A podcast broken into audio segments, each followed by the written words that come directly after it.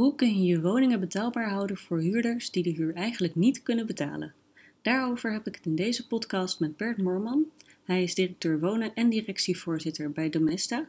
En hij is spreker op ons seminar Betaalbaarheid op 12 april.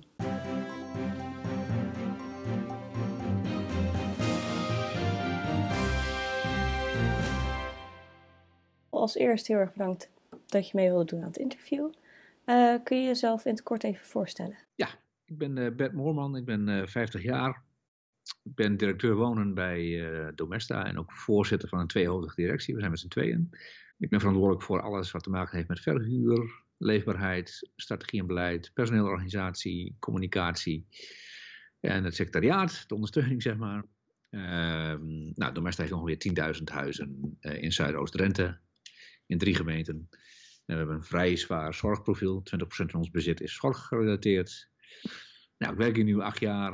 Ik heb hiervoor zorgvastgoed gedaan bij Domesta. En daarvoor kom ik uit het bedrijfsleven. Ik heb uh, uh, vooral in de biofarmacie gewerkt en heel allerlei andere dingen gedaan.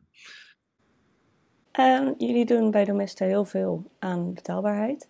Um, als je collega, directeur, bestuurders of bestuursvoorzitters een tip zou mogen meegeven om met betaalbaarheid als opgave om te gaan, wat zou dan de beste tip zijn die je kan meegeven? Uh, om af te stappen van generieke maatregelen en uh, veel meer maatwerk individuele maatregelen uh, afspreken met huurders. En ook de verbinding maken met duurzaamheid. duurzaamheid kan ook leiden tot la lagere woonlasten. Dus benader ook het integraal. Ja, ik zei het net al, betaalbaarheid staat heel erg centraal bij Domesta. jullie hebben bijvoorbeeld een betaalbaarheidsfonds. Um, kun je daar ook meer over vertellen? Ja, we hebben dus uh, besloten, uh, in 2014 is er een, een woonlastenonderzoek geweest in Drenthe. We hebben gekeken naar effecten van de verhuurdersheffing en of dat doorbelast zou kunnen worden naar de huurders. Wat Den Haag stelde, nou, het kon niet. We zijn toen geschrokken van de resultaten. Heel veel mensen die, uh, eh, 30% van de mensen die de huur eigenlijk niet kan betalen, maar het wel doet.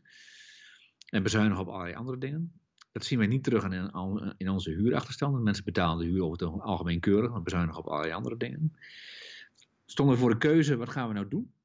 We hadden wel door van, ja, we kunnen de huur niet verhogen, dus dat is een uh, onbegaanbare weg.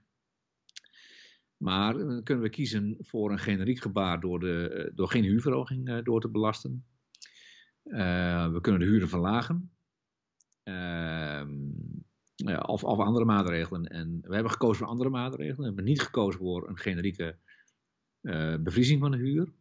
Uh, want we zijn ook een bedrijf uh, wat in elk geval aan de continuïteit moet, moet kunnen werken. Dus inflatie volgende huurverhoging vonden wij het maximum. Um, huurverlaging heeft voor de doelgroep geen effect, want dan krijg je gewoon minder huurtoeslag. Dus per saldo schiet er niks mee op. Uh, dus we hebben gekozen om de helft van de huurverhoging in een fonds te stoppen. 500.000 euro was het op dat moment. Om individuele knelpunten op te kunnen lossen. En individuele knelpunten kunnen zijn: uh, iemand heeft een inkomensval, gaat met pensioen of raakt zijn baan kwijt, raakt arbeidsongeschikt en kan de huur niet meer betalen. Nou, kunnen we dan de huur aanpassen op dat nieuwe inkomen. Uh, wat we ook doen is uh, bijvoorbeeld gratis zonnepanelen verstrekken. Dat doen we ook uit het betaalbaarheidsfonds. Eh, die kapitaallasten althans. Eh, zodat mensen via de energierekening eh, wat voordeel hebben. Ook goed voor het milieu, ook goed voor onze energiedoelstellingen, maar ook direct goed voor de portemonnee van de huurder.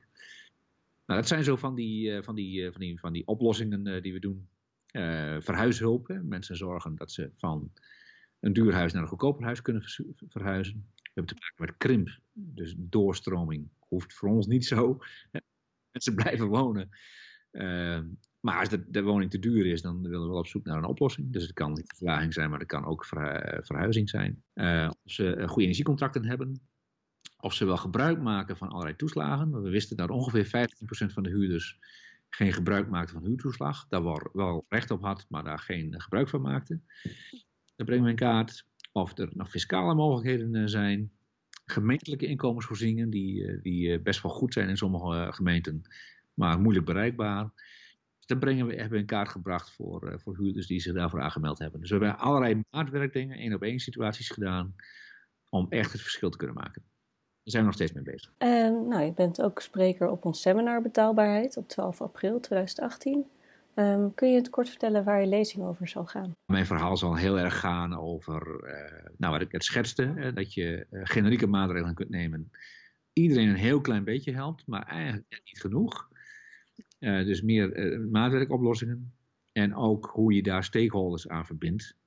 Ehm, want ja, wij gaan natuurlijk niet over de armoede. Hè. Daar hebben wij als corporaties geen invloed op. Wij gaan over, over het wonen. Met name hoe je wel in, ver, in, verbinding met stakeholders ook kunt zorgen dat je iets aan die armoede doet. En we zetten bijvoorbeeld geen mensen meer op straat met huurachterstanden. Uh, maar we zorgen voor vroegtijdige uh, ondersteuning vanuit de gemeente. Ja, met maatschappelijk werk en gemeenten. Dus we hebben een hele keten rondom dat, dat betaalbaarheid aangebracht. ja, wat uiteraard begint bij je voorraad, maar uiteindelijk ook in de dienstverlening heel veel, heel veel doet en in de samenwerking. Dus daar zal het over gaan. Oké, nou dat klinkt hartstikke interessant. Hartelijk bedankt voor de tijd. Ik vond het een leuk interview.